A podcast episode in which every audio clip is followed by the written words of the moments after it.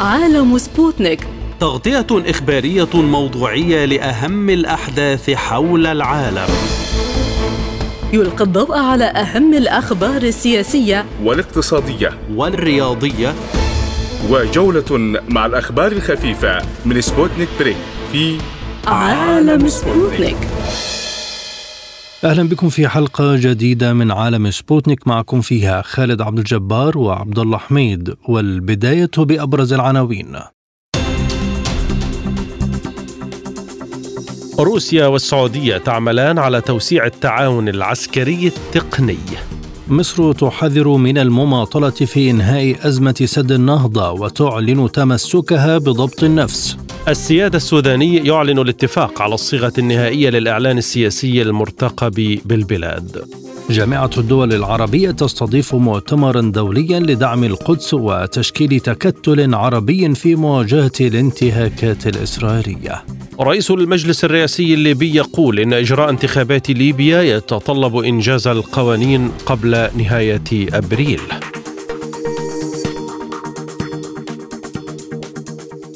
إلى التفاصيل. قال السفير الروسي في الرياض سيرجي كوزولوف إن روسيا والسعودية كثفتا العمل لتوسيع التعاون العسكري التقني بين البلدين. وأضاف السفير أن الرغبات في المملكة زادت من أجل تنويع القدرات الدفاعية في البلاد بما في ذلك من خلال توسيع جغرافية التعاون العسكري التقني مع دول أخرى في العالم وروسيا واحدة منها. وأكد كوزولوف أن العمل في هذا المجال يشهد تكثيفا بشكل كبير في الآونة الأخيرة ويتجلى ذلك على وجه الخصوص من خلال الاتصالات الثنائية المنتظمة. بما في ذلك عمل اللجنة الحكومية الروسية السعودية المشتركة للتعاون العسكري التقني. وربط السفير بحث السعوديين عن شركاء جدد بالتهديدات الأمريكية بإعادة تقييم معالم العلاقات مع السعودية بما في ذلك الجانب العسكري. وأشار إلى أن واشنطن غير راضية عن قرار اوبيك بلس بخفض إنتاج النفط. من الرياض ينضم إلينا الدكتور طلال الحربي الكاتب الصحفي السعودي. أهلا بك معنا دكتور. ما أفاق التعاون السعودي الروسي في المجالات العسكرية؟ طبعا التعاون السعودي موجود مع جميع الدول اينما وجدنا فرصة للتعاون ووجدنا فرصة للتقنية الحديثة ووجدنا فرصة لتقديم شيء جديد في علاقة يكون فيها تكافؤ سوف نبحث عنها لا شك إنه روسيا من الدول المتقدمة المتطوره في مجالات كثيرة وهذا يدفعنا للتفكير دائما في التعاون معها فيما يخدم بلدينا وشعبينا الصديقين. إلى أي مدى أدت العلاقات المتذبذبة مؤخرا أو التوتر الحاصل مع الدول الغربية والولايات المتحدة إلى أن تفكر الرياض في توسيع دائرة اهتماماتها العسكرية؟ علاقاتنا مع كل الدول علاقات جيدة لا يوجد خلافات بمعنى خلافات هي قد يكون هناك اختلاف وجهات نظر لكن هذا لا يغير من حقيقة أن لنا صداقات وعلاقات استراتيجية مع الولايات المتحدة ومع الدول الغربية. ولنا الحق كدولة لها سيادة أن ننهل من المنهل الذي نجد فيه مصلحتنا سواء كانت أمريكا أو أوروبا أو روسيا. روسيا خيار مطروح الصين خيار مطروح. وكل الدول أينما وجدنا أن هناك شيء يخدم بلدنا وشعبنا سوف نأخذ به. نحن لا نتحرك ولا نتصرف بناء على خلافات ونحن نتصرف ونتحرك بناء على مصلحة بلدنا ومصلحة شعبنا ومصلحة العالم والسلام العالمي بشكل عام. لسنا من الدول التي تحركها الأحداث بقدر ما نحن من الدول التي تبحث عن الأفضل دائما والأنسب. والحمد لله نحن دولة عندنا ولنا قيادة شابة تبحث دائما عن الأفضل وإن شاء الله نصل إلى المرحلة التي نستطيع أن نقدم مثل ما نأخذ من هذه البرامج وهذه الدول. كيف يمكن اذا تحقيق هذا التعاون العسكري بين روسيا والسعودية خاصة أن الرياض تعتمد بشكل كبير في هذا الشأن على الولايات المتحدة وحلفائها؟ مثل ما فتك نحن روسيا من الدول المتقدمة متقدمة في بعض التقنيات لها باع طويل في بعض التقنيات العالمية ونحن أمريكا خيار موجود حليف استراتيجي أوروبا حليف استراتيجي أيضا روسيا والصين والدول الشرق أوروبا أيضا حليف استراتيجي. فنحن دائما مصلحة شعبنا وبلدنا هي هي المحرك الأساسي لنا. والتقنية موجودة في كل دول العالم ونحن نبحث دائما عما هو جديد وما هو أفضل لنأخذ فيه إذا دكتور ما هي مزايا هذا التقارب السعودي الروسي وفائدته على البلدين خاصة وأنه لم يكن التقارب الأول فقد كان هناك تقارب نفطي واقتصادي على مبدأ المصالح المشتركة؟ ما في شك نحن دولة لها سيادة لا نحن دولة آه، روسيا متقدمة في مجالات كثيرة وأي علاقة مع أي دولة يجب أن تكون وين وين هم لهم مصلحة ونحن لنا مصلحة. لم نعد أبدا لا نقدم الآن شيء إلا يكون لنا فيه مصلحة وفيه مقابل. مثل ما إحنا عندنا من التقنيات في مجالات محددة وعندهم تقنيات في مجالات محددة هناك علاقة تبادلية آه، منفعة مصطلحة والمصلحة للطرفين. روسيا لها باع طويل روسيا متقدمة في مجالات عسكرية. مجالات تقنية مجالات البترول في مجالات الطب. وهذا ما يدفعنا لأنه نمد يدنا لروسيا أو لغير روسيا. المحرك الأول والأخير لنا مصلحتنا كبلد له سيادة ومصلحة شعبنا. هل تفهم الولايات المتحدة أهمية التقارب بين الدول على مبدأ المصالح المتبادلة دون التدخل في مصير هذه العلاقات برأيك؟ إحنا ما لسنا مسؤولين عما يفهموه وما لا يفهموه. آه لا يوجد علاقات آه محددة. لا يوجد دولة لها سلطة علينا نحن دولة لها سيادة ونختار ما يمثلنا. وكل يفكر ما يريد لكن في النهاية مصلحتنا لا تحكمها رغبات ولا تحكمها نزوات مصلحتنا تحكمها مصالح مشتركة وعلاقات استراتيجية سواء مع أمريكا أو مع روسيا مع أي دولة من دول العالم. علاقاتنا قد تكون متجهة في اتجاه معين أحيانا واتجاه آخر معين حسب مصلحة بلدنا ومصلحة شعبنا وما نجده آه، من من تفاهم مع الدول. أكد وزير الخارجية المصري سامح شكري تمسك بلاده بضبط النفس على الرغم مما وصفه بمماطلة إثيوبيا في التوصل إلى إطار قانوني بشأن نزاع سد النهضة على نهر النيل متهما بعض دول المنبع بمحاولة الاستئثار والسيطرة على المورد المائي دون اكتراث بمقدرات دول أخرى مشاطئة. واستعرض شكري خلال افتتاحه المؤتمر السنوي للمجلس المصري للشؤون الخارجية تحدي الأمن المائي الجسيم الذي يواجه منطقة الشرق الأوسط والقارة الأفريقية مشيرا إلى أن بعض الدول تعد من أكثر مناطق العالم جفافا وتصحرا في مقابل رغبة بعض دول منابع الأنهار في الاستئثار بالمورد المائي والسيطرة عليه دون اكتراث بمقدرات دول أخرى مشاطئة. وتتبنى مصر موقفا يقوم على عدم الممانعة في إقامة مشروعات تنموية في دول حوض نهر النيل شرط التنسيق المسبق وتجنب الأضرار بدولتي المصب مصر والسودان. وتخوض القاهرة منذ أكثر من عقد مفاوضات مع إثيوبيا بجانب السودان في محاولة للتوصل إلى اتفاق بهذا الشأن دون نتيجة. من القاهرة ينضم إلينا الدكتور نادر نور الدين أستاذ الموارد المائية والري بجامعة القاهرة. دكتور نادر ماذا يعني هذا التحذير والحديث عن ضبط النفس لأول مرة رغم مرور أكثر من عشر سنوات على هذه القضية؟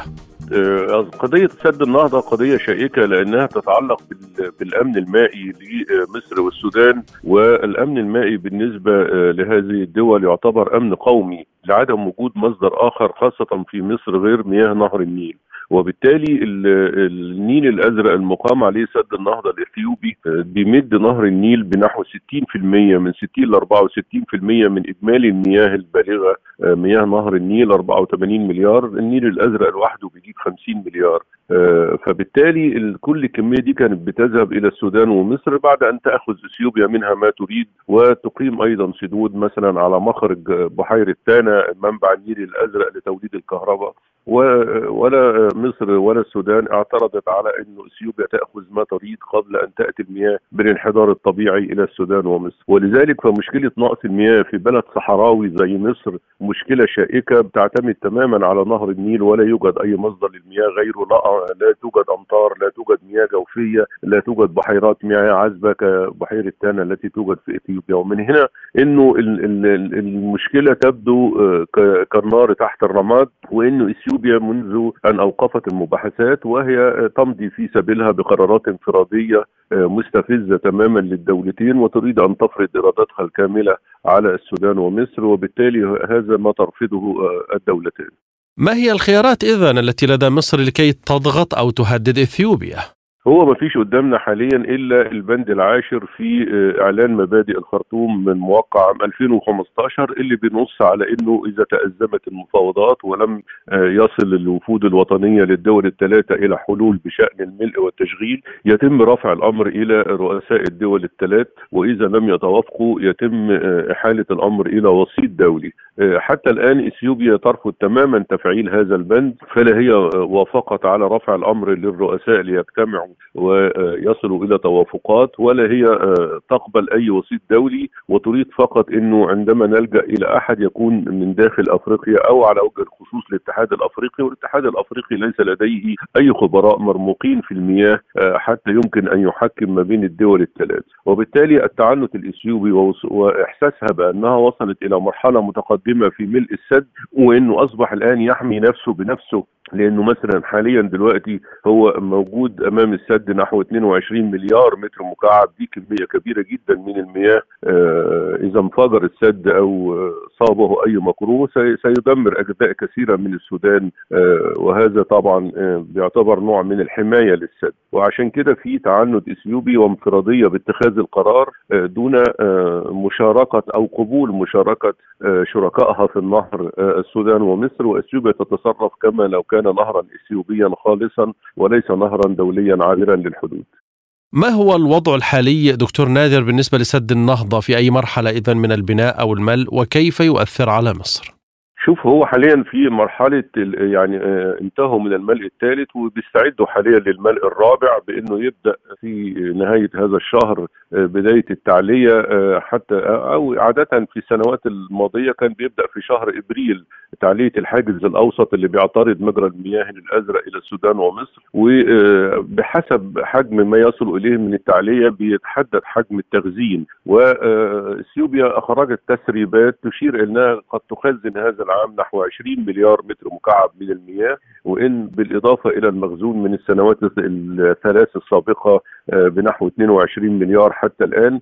وبالتالي قد يصل في نهاية الملء الثالث في نهاية يوليو ومنتصف أغسطس القادمين قد يصل مخزون السد إلى 42 مليار. آه، وبالتالي آه، يكون معظم التوربينات الثلاثة عشر قابلة للتشغيل وتبدأ إثيوبيا في توليد الكهرباء. في العام الماضي والملء الثلاث السنوات الثلاثة الماضية كان القدر رحيما بمصر والسودان حيث جاء الفيضان غزيرا وعاليا ونحن الآن نقدر نقول في السبع سنوات السمان ذات الفيضان العالي فكان الفيضان عوض مصر والسودان عن ما خزنته إثيوبيا العام الماضي آه، من المياه آه، والأعوام التي آه، سبقته. وبالتالي نأمل لو استمر الفيضان عاليا للعامين القادمين سوف يكون هذا خيرا على إثيوبيا وعلى مصر والسودان بأنها لن تشعر بما تحتجزه إثيوبيا من المياه لأن هناك وفرة في مياه الفيضان. أما إذا كان الفيضان شحيحا فستشعر كل من مصر والسودان بنقص حاد في المياه لأنه 20 مليار متر مكعب. من إجمالي مياه النيل الأزرق البالغه 49 مليار يعني يقترب من نصف سعه النهر سيكون مؤثر شديد على كل من مصر والسودان. ولهذا هو ما نريد التوافق عليه مع إثيوبيا من ناحية الاتفاق على حجم التخزين وأيضا الاتفاق على تشغيل جميع التروبينات الثلاثة عشر المركبة على السد حتى نضمن وصول المياه آه، بشكل جيد إلى كل من مصر والسودان. حتى إننا عرضنا على إثيوبيا ضمان حد أدنى من المياه من مياه النيل الأزرق اللي هو بيتراوح من 49 ل 50 مليار.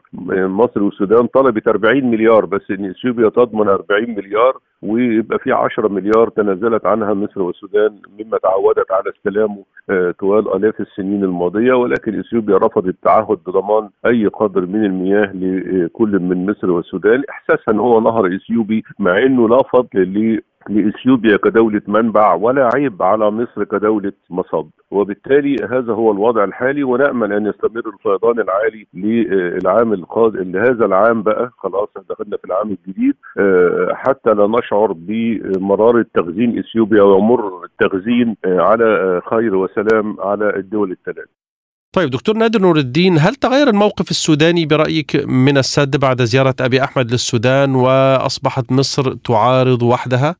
والله أنا تواصلت مع الزملاء في السودان الخبراء وقالوا أن أبي أحمد حضر إلى السودان لعدة ساعات فقط وكان بيقدم ورقة للتوافق السوداني بين الجبهة الوطنية وجبهة الجيش السوداني ولم يتحدث في المباحثات بأي صورة من الصور عن سد النهضة ثم فوجئنا به عند المغادرة يلقي بهذا التصريح بأن آه، السودان وإثيوبيا متوافقان تماما على آه، أمور كثيرة من سد النهضة وأنه مفيد للسودان وكأن إثيوبيا بنت هذا السد لكي تفيد السودان وليس لكي لصالحها الوطني فقط وإن أي إفادة عن موضوع الطمي الذي تحدث إليه من أن السد النهضة سيمنع الطمي الاطماء على سدود السودان آه، سنار وروسيرس ومروي كان هذا فضل ده ما هو السد العالي برضه بيحجز الطمي وأي سدود في العالم بتحجز الطمي نمرة واحد. فده side effect يعني أو عرض جانبي آه، لا يصح لإثيوبيا أن آه، تظهر الأمر للسودان على أنه السد سيكون مفيدا لها وهذا دون إرادتها. ثم حتى رد الرئيس السوداني أو رئيس المجلس العسكري السوداني بأن نعلم أن السد قد يكون مفيدا للسودان ولكن آه، ينبغي التوافق على كل شيء بين الشركاء الثلاثة وإنه رغم إن إن إثيوبيا بنت استراتيجيتها في أثناء بناء سدها الضخم العملاق بإنه إحداث انشقاق آه، في العلاقات ما بين مصر في المواقف ما بين مصر والسودان واستمالة السودان إليها وهذا ما نجحت فيه أيام الرئيس السوداني عمر البشير ولكن بعد عزل عمر البشير عاد الخبراء السودانيين الذين كانوا قد قدموا استقالتهم مثل الدكتور الفقي والدكتور كمال وزير الري السوداني إلى ساعة موقفهم على الملأ وتذكرة الشعب السوداني بأن هناك نقص حادا في المياه وأن إثيوبيا لا تريد التعهد بحد أدنى من المياه تخرج من النيل الأزرق إلى السودان ومصر وبالتالي بدأوا يشعرون بأضرار السد عليهم. ولا أعتقد أن ما قاله أبي أحمد كان نوع من إحداث الفتنة أو إرسال رسالة إلى مصر بأن السودان قد تنضم إلينا مجددا وتبقى مصر وحيدة في محاربة أضرار وتداعيات سد النهضة ولكن أعتقد أن هناك تنسيقا مصريا سودانيا يدعو إلى تجدد المفاوضات وسرعة استئنافها قبل الملء الرابع الذي سيبدأ في يوليو القادم. أعلن مجلس السيادة السوداني التوصل لاتفاق على الصيغة النهائية للإعلان السياسي المرتقب بالبلاد مع القوى الوطنية الموقعة على الاتفاق الإطاري الموقع في كانون الأول ديسمبر الماضي والرافضة له وذلك لحل الأزمة السياسية بالبلاد. وذكر المجلس في بيان أنه عقد سلسلة من الاجتماعات طوال الثلاثة أيام الماضية برئاسة الفريق أول الركن عبد الفتاح البرهان رئيس مجلس السيادة الانتقالي وبحضور حضور نائبه الفريق أول محمد حمدان دجلو مضيفا أنه ضمت هذه الاجتماعات الأطراف الموقعة على الاتفاق الإطاري والأطراف غير الموقعة عليه. وأكد أنه بعد نقاش مستفيض وبروح وطنية عالية واضعين مصلحة البلاد ونجاح الفترة الانتقالية والتحول الديمقراطي اتفق على الصيغة النهائية للإعلان السياسي. من الخرطوم حول هذا الموضوع ينضم إلينا الدكتور عماد الدين حسين الباحث في الدراسات الاستراتيجية. أهلا بك دكتور، ما هي الصيغة النهائية اذا التي تم الاتفاق عليها وأهم نقاطها؟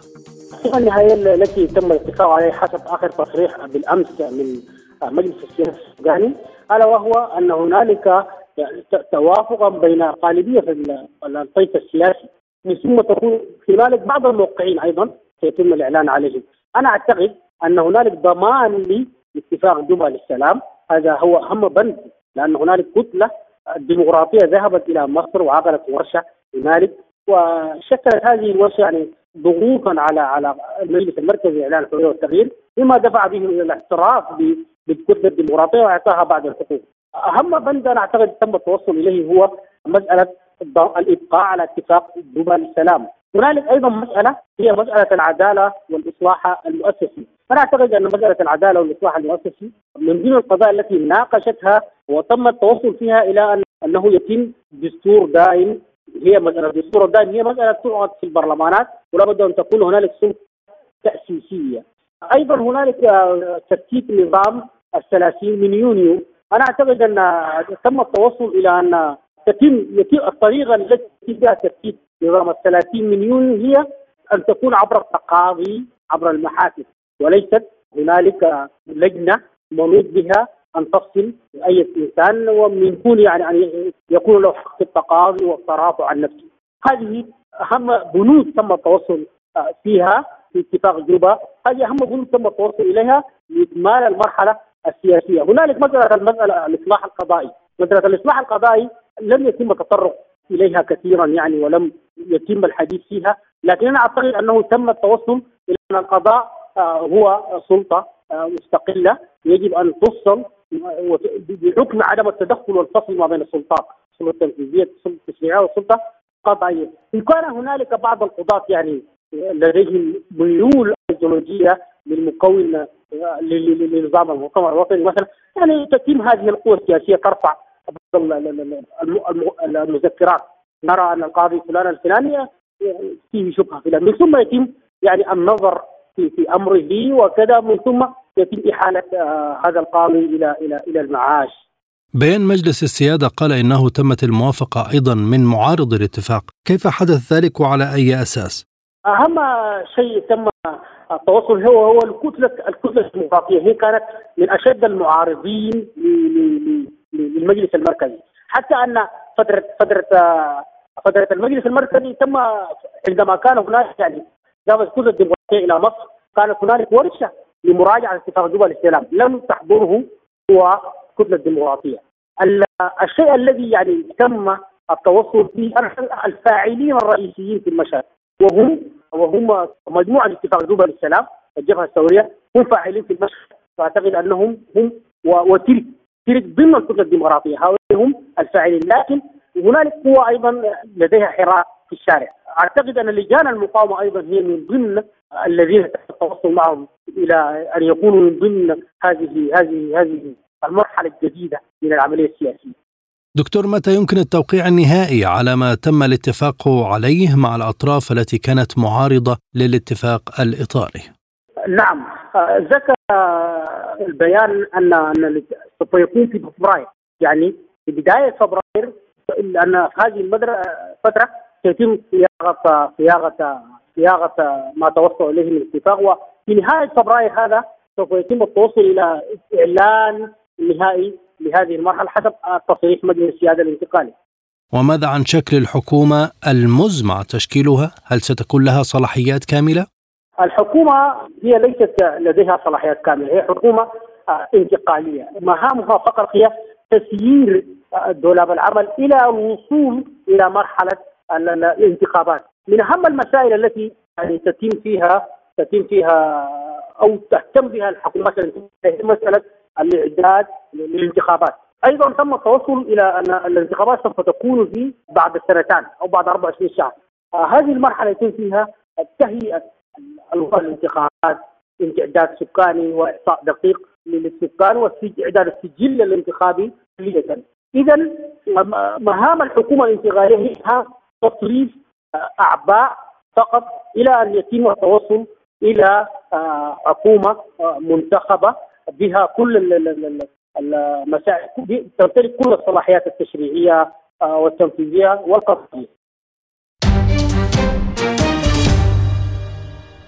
وسط تمثيل عربي وإقليمي ودولي رفيع المستوى انطلق المؤتمر الدولي لدعم القدس في جامعة الدول العربية بالقاهرة وقال الرئيس الفلسطيني محمود عباس في كلمته بالمؤتمر إن القدس بحاجة إلى أمتها العربية والإسلامية. ودعا عباس إلى وقف الأعمال الأحادية في القدس المحتلة مؤكدا رفضه لتحكم إسرائيل في الدخول والخروج من مدينة القدس. هذا وأكد الأمين العام لجامعة الدول العربية أحمد أبو الغيط أهمية عقد المؤتمر الدولي حول دعم القدس وأشار إلى أهمية إعطاء هذا الحدث الزخم اللازم للتعريف بقضية القدس وأبعاد أبعادها القانونية والسياسية والاقتصادية وحشد كل دعم من أجل تعزيز صمود المقدسيين في مواجهة سياسات الاحتلال الإسرائيلي التعددية. وفي الوقت الذي ينعقد فيه المؤتمر تقوم قوات من الجيش الإسرائيلي بمحاصرة خمسة منازل في محافظة القدس من أجل إخلائها من السكان وهدمها، وأكدت محافظة القدس أن سلطات الاحتلال تخطط لتنفيذ مجزرة جديدة من الهدم والتشريد والتهجير اليوم الأحد، محذرة من أن الأوضاع في المدينة صعبة وقد تؤدي هذه الخطوة لمزيد من التصعيد. من القاهرة ينضم إلينا الدكتور أيمن الراقب الأكاديمي والباحث الفلسطيني دكتور أيمن كيف لهذا المؤتمر إذن أن يؤثر على الأوضاع المتوترة في القدس؟ بالتأكيد نحن الآن ينعقد المؤتمر في هذا الأوقات في ظل تصعيد شهده اليوم في مدينة القدس اقتحامات متواصلة بن غفير يضع قائمة جديدة في هدم المنازل واعتقالات في مدينة القدس. المؤتمر صحيح لديه ثلاث محاور مهمة هو محور سياسي ومحور اقتصادي ومحور قانوني وبالتالي أنا أعتقد مخرجات المؤتمر التي تأتي في ظل هذه الظروف مهمة جدا. صحيح أن حتى الآن. يعني نلاحظ حضور زخم كبير جدا من خلال مشاركة عالية جدا من خلال منظمة التعاون الإسلامي. طبعا ممثل الاتحاد الأوروبي ممثل الأمم المتحدة. كل هذه الأمور تأتي في سياقات تعطي زخم لهذا المؤتمر. ولكن ننتظر المخرجات التي كما أشرت هي ستأخذ في آه، أبعادها. الشق قانوني وسياسي واقتصادي وأنا أعول كثيرا بصراحة على ضرورة وجود شق أو قرار لدعم الحراك القانوني وأيضا الدعم الاقتصادي أكثر من الحديث عن بيان سياسي قد يكون فقط هو للحفظ. ما المقصود بالبعد القانوني الذي تعول عليه دكتور أيمن من هذا المؤتمر دون البعد السياسي كما ذكرت أو البيانات السياسية؟ آه، يعني آه، هناك إجراءات احتلال تقوم بممارسة عملية التهويد المستمر في باحات المسجد الأقصى والاصرار على التقسيم الزماني والمكاني لباحات المسجد الأقصى وهذا الأمر يحتاج بصراحة إلى إجراءات قانونية، هناك اعتماد على على قرارات صدرت من اليونسكو تعتبر كل اجراءات الاحتلال في عملية التهويد للمقدسات الإسلامية والمسيحية غير قانونية وهي مرفوضة بشكل كامل بالإمكان الاعتماد عليها. آه، أنا كمتابع سياسي أرى أن أن يعتمد أيضا كان تم تشكيل لجنة قانونية. آه، أن يعتمد القانونيين العرب الآن على قرار تقسيم 181 والذي يعتبر أن القدس بشقيها الشرقي والغربي هي منطقة للتدويل ويتم الحراك في هذا السياق بشكل كبير جدا. باعتبار كل إجراءات الاحتلال في القدس الشرقية والغربية إجراءات غير قانونية. وهذا للضغط على الاحتلال لوقف اعتداءاته على على مدينة القدس بشكل كامل. آه، تشكيل هذه اللجنة القانونية للتوجه للجنائية الدولية ولمحكمة العدل الدولية ولرفع الحرج عن السلطة التي حتى بلحظه لم تتقدم بإجراء واحد في الجنائيه الدوليه نتيجة طبعا الضغط الدولي عليها، تشكيل لجنة قانونية آه، عربية أنا أعتقد سيجعل قضيه القدس تعود آه، على الصعيد الدولي أقل تقدير وعلى مؤسسات المجتمع الدولي تعود بقوة لطرح آه، طبعا منع إجراءات الاحتلال وعملية التهويد خاصة أن خطة الاحتلال 20 2050 تقترب وهي تسعى خلال فترة أقل من 30 عاما لتحويل مدينة القدس بشكل كامل بشقيه الشرقي والغربي لمدينة تخلو من العرب كما كما يتم آه، التحدث آه، خلسة في هذا الأمر لكن ما شكل التكتل العربي المستهدف وما هو الدور المنوط به دوليا؟ بصراحة كما أشرنا الأمر آه، يتعلق في شقين، الشق القانوني تحدثنا عنه وأنا أعتقد الشق الاقتصادي الأهم للمقدسيين لأنه في النهاية هناك مشكلة كبيرة جدا تواجه المقدسيين من خلال فرض ضرائب كبيرة جدا عليهم، آه، محاولات الضغط على تسريب بعض المنازل التي تكون آيلة للسقوط ثم آه، تكون تعرض عليها طبعا قيمة سوقية أكبر من سعرها بكبير بكبير، خاصة أنه بعض المنازل المغلقة في مدينة القدس لا يمتلكها الفلسطينيين تمتلكها بعض الدول أو الشعوب العربية كما حدث مع عائلة جودة التي سربت قبل عام منزل في مدينة القدس. وبالتالي أعتقد تشكيل آه، طاقم في هذا السياق آه، أو يعني هناك كان شكل سابقا صندوق القدس ولكن لم يفي آه، بشكل كبير جدا بدعم المقدسيين في هذا الأمر. نحتاج بصراحة إلى أن يكون هناك إشراف مباشر. يعني حتى لا يكون الأمور تذهب إلى أي جهات تذهب بشكل مباشر إلى صندوق أو لجنة عربية تشرف مباشر على إعادة بناء بعض المشاريع ودعم المقدسيين بشكل مباشر على الشق الاقتصادي وكما أشرنا على الشق القانوني الإشراف بشكل مباشر على حراك قانوني في مؤسسات المجتمع الدولي المختلفة. دكتور أيمن ألم يكن من الأفضل أن تكون المظلة التي ينعقد تحتها هذا المؤتمر أوسع إقليميا ودوليا من الجامعة العربية كمنظمة التعاون الإسلامي مثلا؟ البعض يتساءل.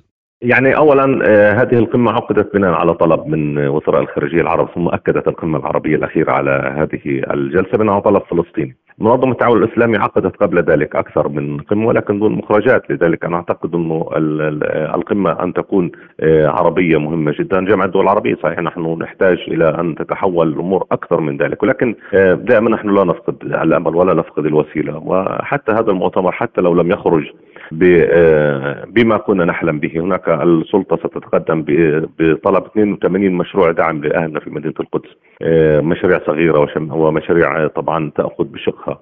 السياسي والقانوني والاقتصادي. ولكن رغم كل ذلك أعتقد أن تحرك المياه الراكده خيرا من لا تفعل شيئا لأنه في النهاية هذه القضية هي ليست قضية الفلسطين لوحدها، القدس هي بالنسبة لنا هي قضية عربية وإسلامية وبالتالي يجب أن يكون هناك تحمل مسؤولية بشكل أكبر من قبل العرب، أن لا يترك الفلسطين لوحدهم وأنا أعتقد عودة الطرح لقضية القدس بشكل كامل في القمة العربية تعطي أهمية كبيرة جدا. يعني كما أشرت هناك منظمة دولية كبيرة تشارك في هذه المؤتمر وحتى منظمة التعاون الإسلامي تشارك اليوم. ولكن نحتاج في النهاية إلى مخرجات. أنا لا أعتقد أنه سيكون هناك آه، الأمر فقط مجرد آه، هذه المرة آه، شعارات. وحتى كما أشرت أنه في النهاية لو حتى البيان السياسي كان يتحدث عن دعم معنوي أنا أعتقد إجراءات الاحتلال في مدينة القدس ستحرج كثيرون من الدول التي ستبقى صامته خاصة نحن على اعتاب شهر رمضان وهذا سيشهد بالتأكيد تسخين من قبل الاحتلال.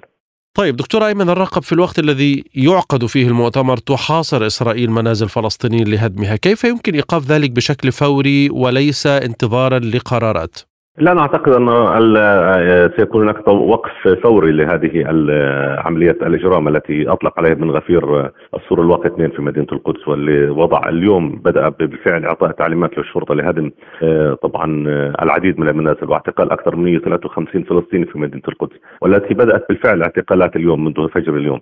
لكن هل يستطيع أن يوقف العرب في هذه القمة هذا الشيء الفوري؟ لا نحن لا نعتقد أن هذا الأمر وارد في الحسبان بشكل كامل. هناك حراك تقود مصر في هذا الأمر للتخفيف وتهدئة الجبهة ولكن الاحتلال غير مكترث لكل ذلك.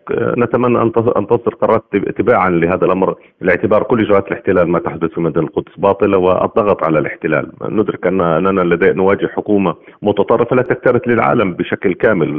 لا تكترث الولايات المتحدة الأمريكية الأكبر حليف لها في المنطقة. واللي نحن ننتقد بصراحة الولايات المتحدة الأمريكية لأنه حتى هذه اللحظة آه، خطوات فقط هي آه، كمن يستجدي الاحتلال وليس كمن يفرض على الاحتلال قرارا. أخيرا دكتور أيمن هل الدول المطبعة مؤخرا مع إسرائيل وهي الأعضاء في الجامعة العربية هل لها دور في عرقلة مخرجات هذا المؤتمر برأيك؟ أعتقد الدول العربية حتى التي توقع اتفاق مع آه، إسرائيل أكبر نموذج مصر والتي تتحرك بشكل كبير جدا على صعيد آه، منع إجراءات الاحتلال في مدينة القدس، العرب أقروا في قمة بيروت عام 2001 آه، طبعا أن القدس الشرقية عاصمة الدولة الفلسطينية بكل مكوناتها، أعتقد إجراءات الاحتلال في القدس ستحرج أي دولة ستدافع عنها ونتمنى بشكل أو بآخر أن لا يكون هذا الأمر يمثل ضغطا على كاهل الفلسطيني، بل بالعكس أنا أعتقد إنه في النهاية الدول العربية لا تستطيع أن تتهرب من التزاماتها تجاه القدس بشكل أو بآخر حتى لو كان آه، الدعم السياسي أو المعنوي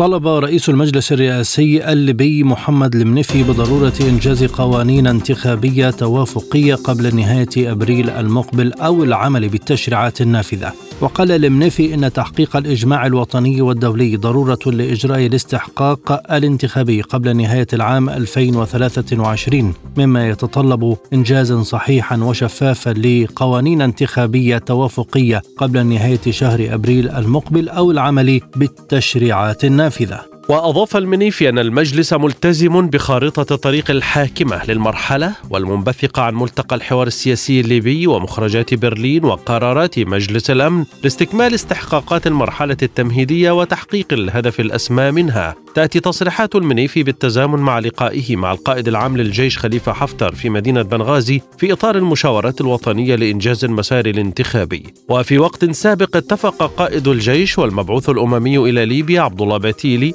على الضرورة الملحة لتوحيد مؤسسات الدولة بما في ذلك المؤسسة العسكرية. من طرابلس ينضم إلينا الكاتب الصحفي فرج حميد أهلا بك أستاذ فرج يعني المنفي تحدث عن ضرورة إنجاز قوانين انتخابات قبل نهاية إبريل، ما هي المعرقلات في هذا الصدد؟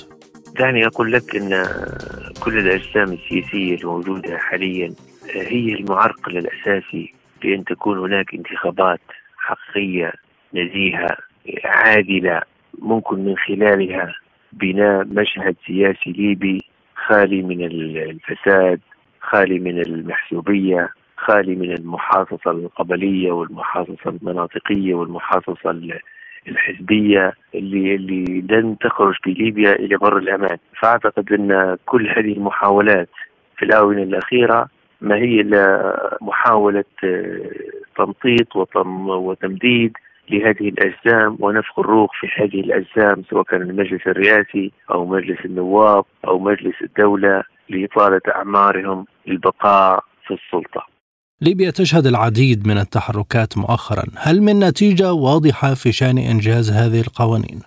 ربما ربما نشهد بعض التوافق بين المجلس النواب ومجلس الدولة ولكن ولكن لا أعتقد أن هذه التوافقات اللي تحدث الآن هي لخدمة المواطن الليبي هي للنهوض بالمواطن الليبي. آه، بالعكس هي زي ما قلت لك خدمة لمصالح هذه الأجسام خدمة للسيد عقيلة صالح وللسيد خالد المشري للنفي لهذه المجموعة اللي موجودة حاليا لعبد الحميد التبيبة لفتحي باشاغة لكل هذه الشخصيات ولكل هذه الأجسام لا أعتقد أن هذه التحركات اللي تحدث الآن على الأرض آه، في ليبيا من قبل مجلس النواب ولا من قبل المجلس الرئاسي تخدم المصلحة المصلحة الليبية البحتة لا تخدم هذه تخدم شخوص هذه المسؤولين على هذه المؤسسات وتخدم بعض الأطراف الإقليمية والدولية.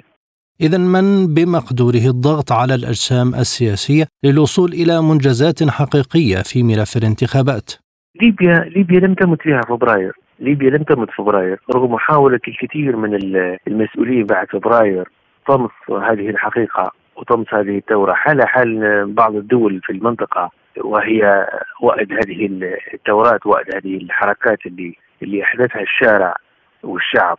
أعتقد اللي قادر هو الشارع الليبي. هم شباب فبراير هم ثوار فبراير الحقيقيين اللي اللي اللي فعلا قدموا أرواحهم وأنفسهم من أجل بعض الأهداف الساميه الحقيقية يعني عداله انتقالية مواطنة قضاء عادل ونزيه مساواة حريات هذه القيم اللي طالبوا بها ثوار فبراير في بداية فبراير. هم نفسهم الوحيدين اللي قادرين على إحداث التغيير. الشارع الليبي لابد ينتفض ولابد يخرج من هذا الركود ومن هذه الغيبوبة التي أوضح فينا وضعونا فيها المسؤولين عن قصد. وضعونا فيها المسؤولين عن قصد يعني من من الأجسام اللي انبثقت من فبراير وإلى يومنا هذا يعني. من المجلس الانتقالي إلى الحكومة التنفيذية إلى إلى الحكومات المتعاقبة إلى يومنا هذا ومجلس النواب والدولة. هذول كلهم وضعونا في قفص آه، لا حركه ولا ولا ولا حرية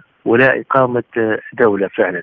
10 أو 12 عام توا لم لم تشهد ليبيا فعلا حراك حقيقي أو خطوات حقيقية في طريق بناء دولة المؤسسات دولة القانون دولة العدالة. هي كلها حالة من الفوضى والفساد والنهب والإقتتال. الإقتتال من أجل من أجل البقاء في في الكرسي في السلطة. ولماذا تراهنون على التحرك الشعبي في ظل انتشار مسلح لكل فصيل سياسي ربما تساهم في واد أي تحرك شعبي؟ أتفق معك ولكن الشارع هو الليبي الآن كله مسلح أول شيء. لغة السلاح هي تعلو وتسمو في في في الشارع الليبي. حتى الثوار الحقيقيين لديهم السلاح. يجب ممارسه حتى العنف الثوري. العنف الثوري يجب ممارسته الآن لتصحيح مسار ثورة فبراير. بالإضافة إلى المجتمع الدولي إذا كان في توافق حقيقي بين الدول المتداخلة في ليبيا على على إحداث تغيير حقيقي في ليبيا وحالة أو زرع أو خلق حالة استقرار سياسي في ليبيا يجب أن تقف في صف الشعب الليبي. مثل ما صدر القرار 11 93 و 73 اللي يتعلق بحماية المدنيين في بداية 2011 يجب المجتمع الدولي اليوم أن يقف بجانب الشارع المنتفض الشارع الحقيقي وزي ما قلت لك العنف الثوري. نحن ما فيش بأس ما فيش بأس إذا كان إذا كان الثوار الحقيقيين مارسوا العنف الثوري من أجل تصحيح المسار. الثورة لم تمت الثورة تتدحرج. من يريد إطفائها آه، صعب المنال.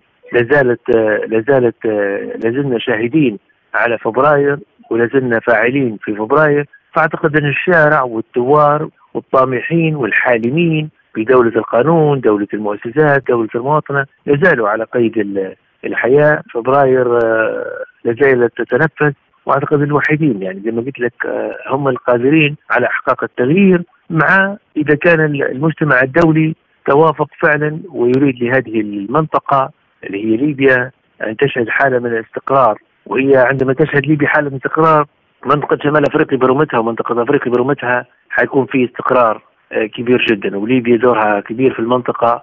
الجميع يعرف نقاط الخلاف الأساسية حول شروط الترشح للانتخابات الرئاسية. هل يتم بحثها مباشرة بين الأطراف؟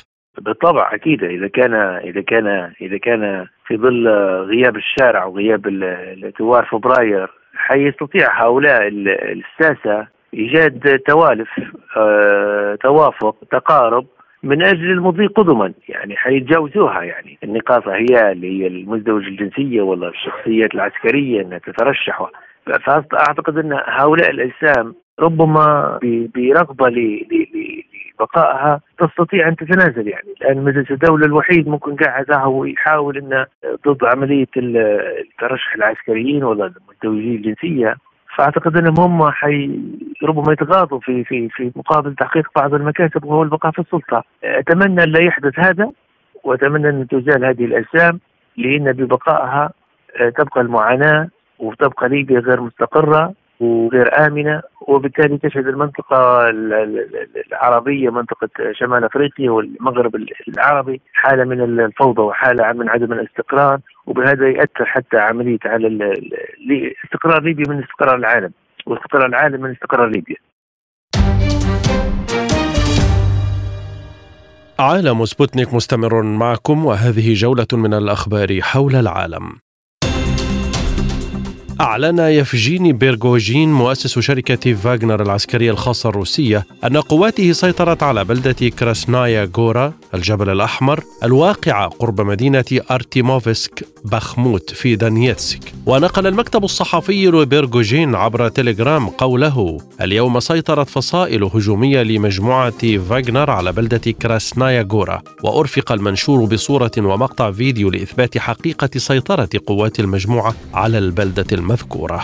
أعلن ضابط استخبارات في المنطقة العسكرية الغربية أن كييف بدأت في استخدام أنواع جديدة من الألغام في قطاع كريمينسكي من الجبهة في دونباس. وقال الضابط إنهم يزرعون ألغاما عادية وبعضها جديد وتنتظر القوات خبراء المتفجرات للبحث عن هذه الألغام. وأوضح أن الجيش الأوكراني ينثر ألغاما باستخدام الذخائر العنقودية. أفادت تقارير أممية ومنظمة الصحة العالمية بأن الزلزال المدمر في تركيا وسوريا حصد أرواح أكثر من 28 ألف شخص فضلا عن تضرر نحو 26 مليونا وسط ترجيحات بارتفاع عدد الضحايا. وحذر مساعد الأمين العام للأمم المتحدة للشؤون الإنسانية مارتن جريفيث من أن حصيلة الزلزال الشديد في تركيا وسوريا التي تخطت حتى الآن 28 ألف قتيل ستتضاعف. ويواصل العشرات من عناصر فرق الإنقاذ البحث بين الأنقاض وسط برد قارص. من جهتها أعلنت منظمة الصحة العالمية أن عدد المتضررين جراء الزلزال بلغ نحو 26 مليون شخص وأطلقت نداء لجمع 42 مليون دولار لتمويل الحاجات العاجلة على الصعيد الصحي.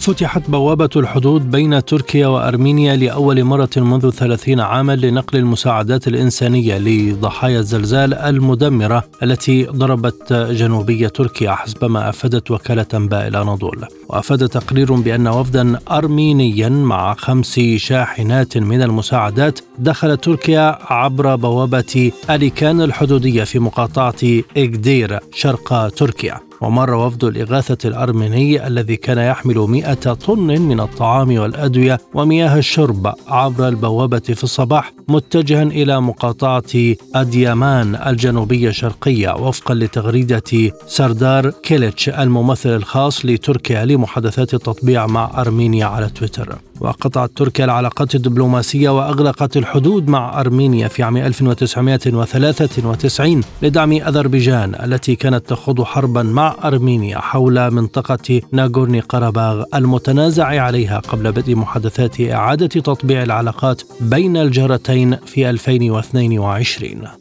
وصل نيكوس ديندياس وزير الخارجية اليوناني إلى تركيا تعبيرا عن الدعم بعد الزلزال المدمر الذي ضرب تركيا قبل نحو سبعة أيام.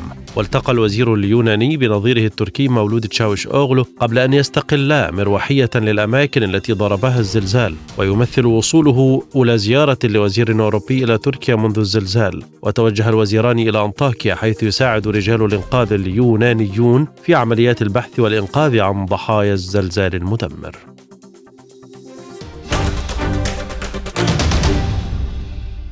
مستمرون معكم وهذه تذكرة بأهم ملفات عالم سبوتنيك. روسيا والسعودية تعملان على توسيع التعاون العسكري التقني. مصر تحذر من المماطلة في إنهاء أزمة سد النهضة وتعلن تمسكها بضبط النفس. السيادة السوداني يعلن الاتفاق على الصيغة النهائية للإعلان السياسي المرتقب بالبلاد. جامعة الدول العربية تستضيف مؤتمرا دوليا لدعم القدس وتشكيل تكتل عربي في مواجهة الانتهاكات الإسرائيلية. رئيس المجلس الرئاسي الليبي يقول إن إجراء انتخابات ليبيا يتطلب إنجاز القوانين قبل نهاية أبريل.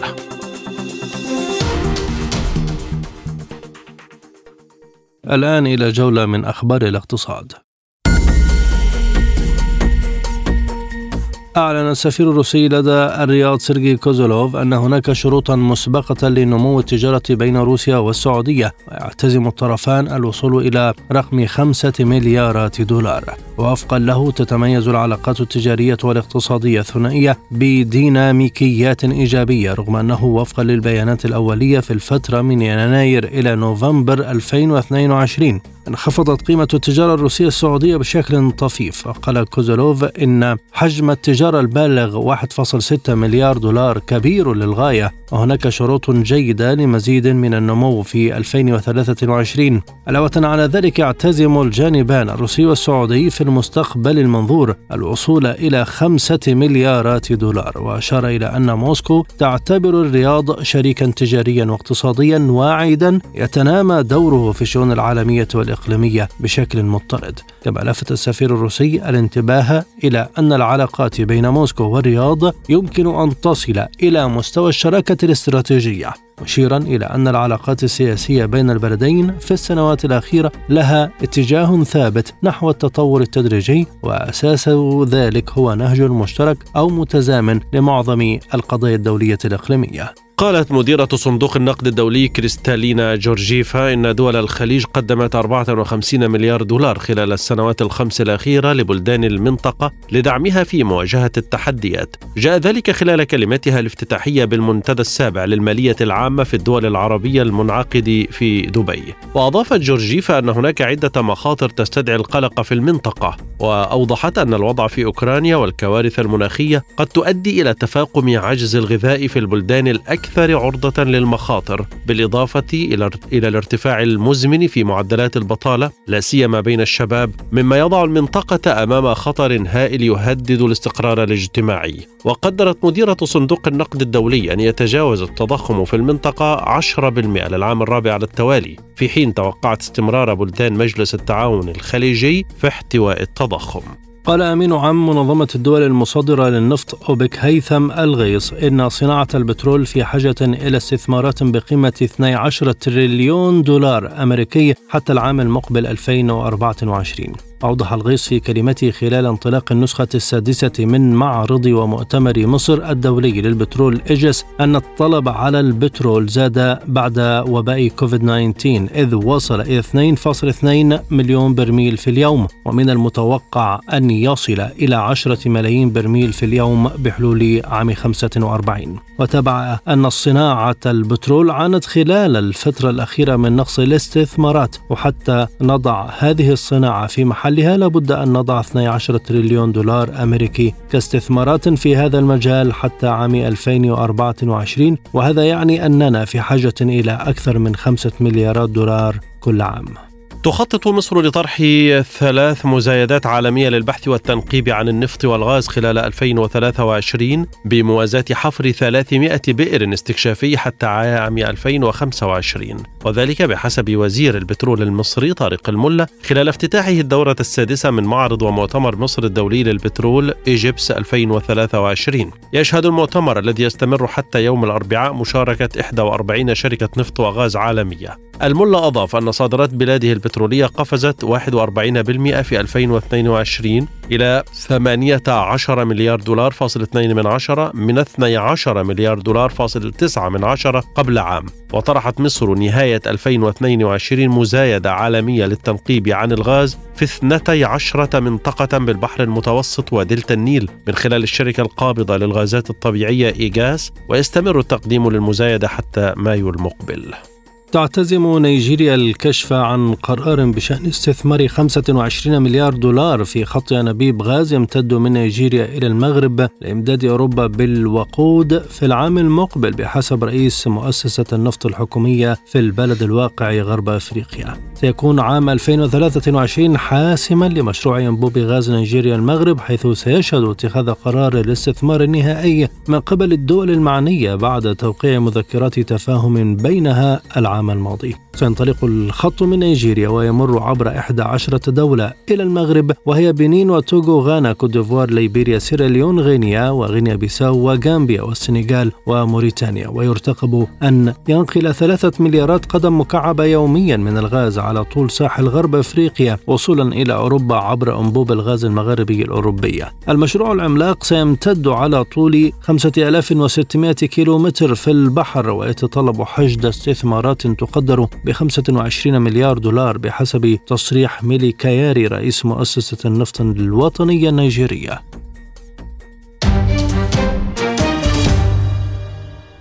عالم سبوتنيك مستمر معكم وهذه وقفة مع الأخبار الرياضية.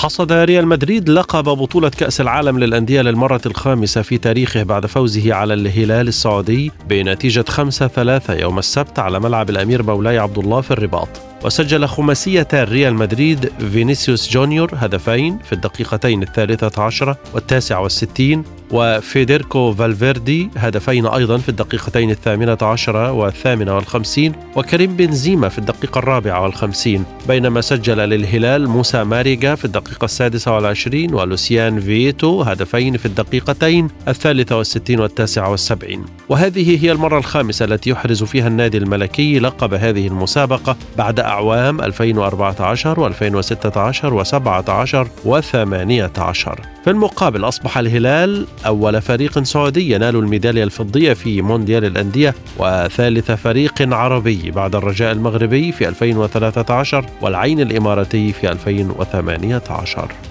هذا وتوج نادي فلامينغو البرازيلي بالميدالية البرونزية في كأس العالم للأندية المقامة بالمغرب عقب فوزه على الأهلي المصري 4-2 في مباراة تحديد المركزين الثالث والرابع. وأحرز رباعية الفريق البرازيلي جابرييل باربوسا هدفين من ركلتي جزاء في الدقيقتين الحادية عشرة والرابعة والثمانين وبيدرو جيليرمي هدفين في الدقيقتين السابعة والسبعين والحادية والتسعين بينما سجل أحمد عبد القادر هدفي الأهلي في الدقيقتين الثامنة والثلاثين والستين شهدت المباراة إهدار الظهير الأيسر للنادي الأهلي علي معلول ركلة جزاء في الدقيقة الثامنة والخمسين كما أكمل الفريق المصري المباراة بعشرة لاعبين منذ الدقيقة التاسعة وستين بعد طرد مدافعه خالد عبد الفتاح. أمضى باريس سان جيرمان أسبوعا سيئا فبعد خروجه من مسابقة كأس فرنسا بسقوطه أمام غريمه التقليدي مارسيليا 1-2 منتصف الأسبوع خسر مجددا أمام مضيفه موناكو 1-3 في الدوري المحلي. وعلى ملعب لويس الثاني خاض فريق العاصمة المباراة في غياب هدافه كيليان مبابي المبتعد عن الملاعب منذ ثلاثة أسابيع. ونجمه الأرجنتيني ليونيل ميسي لإصابة عضلية ولاعب الوسط الإيطالي ماركو فيراتي فأشرك مدربه بعض العناصر الشابة. وجاءت خسارة الفريق الباريسي قبل ثلاثة أيام من مباراته المرتقبة ضد بايرن ميونخ في إياب ثمن النهائي من دوري أبطال أوروبا الثلاثاء المقبل. ورغم الخسارة بقي سان جيرمان في صدارة الدوري برصيد 54 نقطة في حين صعد موناكو إلى مركز الوصافة مؤقتا. تابع تشيلسي إهدار نقاط بتعادله للمباراة الثالثة على التوالي وهذه المرة أمام مضيفه وست هام واحد واحد في افتتاح منافسات المرحلة الثالثة والعشرين من الدوري الإنجليزي لكرة القدم. تقدم البرتغالي جواو فيليكس لتشيلسي في الدقيقة السادسة عشرة وأدرك الإيطالي إميرسون هدف التعادل لوست هام في الدقيقة الثامنة والعشرين. وسقط تشيلسي صاحب المركز التاسع برصيد 31 نقطة في فخ التعادل للمباراة الثالثة على التوالي بعد تعادله سلبا أمام ليفربول وفولام في المرحلتين الماضيتين علما بأنه لم يحقق الفوز سوى مرة واحدة في مبارياته الثماني الأخيرة. في المقابل فشل وست هام بإشراف مدربه الإسكتلندي ديفيد مويس. في الفوز للمباراة الثانية على التوالي بعد تعادله واحد واحد أمام نيوكاسل في المرحلة الماضية ليحتل المركز الخامس عشر مع عشرين نقطة. وهذه وقفة مع سبوتنيك break والأخبار الخفيفة والمنوعة.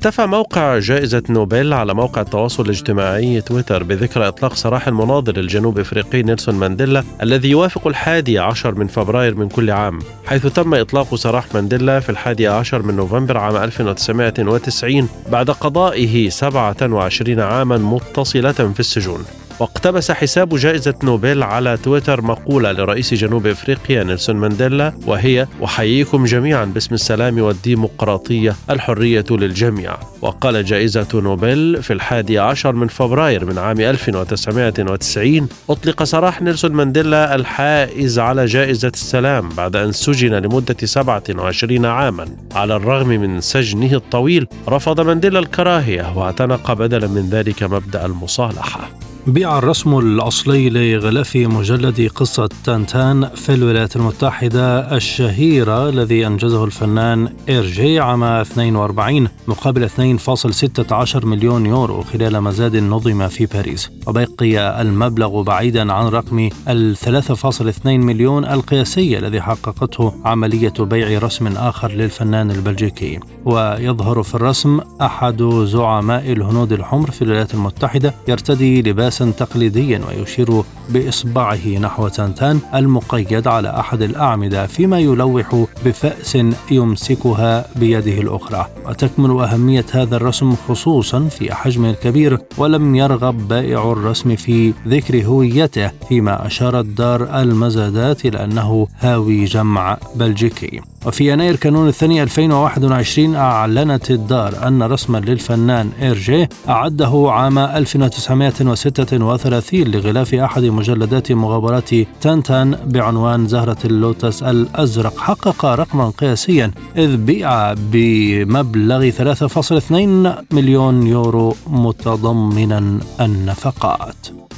كشف رئيس قسم الزلازل بالمعهد القومي للبحوث الفلكية في مصر شريف الهادي عن تحرك عاجل من مصر لدراسة موسعة لجميع أراضي الدولة ووضع خريطة جغرافية للمناطق النشطة بالزلازل. وأوضح أنه سيتم وضع استراتيجية واضحة لرصد ومتابعة الزلازل داخل الأراضي المصرية وذلك عقب تعرض الدول المجاورة لعدد من الزلازل المدمرة. وأشار رئيس قسم الزلازل بالمعهد القومي للبحوث الفلكية إلى أنه سيتم إعادة توزيع محطات رصد الزلازل وزيادة عددها مؤكدا أنه جار البدء في نقل تلك المحطات لتكون بعيدة نوعا ما عن المناطق السكانية. وأكد شريف الهادي أنه سيتم زيادة عدد محطات رصد الزلازل ليصل عددها إلى 100 محطة داخل مصر بدلا من 70 محطة متنوعة من محطات قصيرة المدى للرصد المحلي. وأخرى متوسطة للرصد الإقليمي ومحطات كبيرة للرصد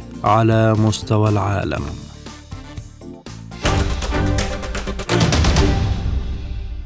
ختام عالم سبوتنيك إليكم تذكرة بأبرز ملفات هذه الحلقة. روسيا والسعودية تعملان على توسيع التعاون العسكري التقني. مصر تحذر من المماطلة في إنهاء أزمة سد النهضة وتعلن تمسكها بضبط النفس. السيادة السوداني يعلن الاتفاق على الصيغة النهائية للإعلان السياسي المرتقب في البلاد. جامعة الدول العربية تستضيف مؤتمرا دوليا لدعم القدس وتشكيل تكتل عربي في مواجهة الانتهاكات الإسرائيلية. رئيس المجلس الرئاسي الليبي يقول إن إجراء انتخابات ليبيا يتطلب إنجاز القوانين قبل نهاية أبريل. واقتصاديا السفير الروسي لدى الرياض يقول إن هناك شروطا مسبقة لنمو التجارة بين روسيا والسعودية لتصل إلى خمسة مليارات دولار. رياضيا ريال مدريد الإسباني يحصل على كأس العالم للأندية لكرة القدم بعد فوزه على الهلال السعودي خمسة ثلاثة للمزيد زوروا موقعنا على الإنترنت سبوتنيك dot ae.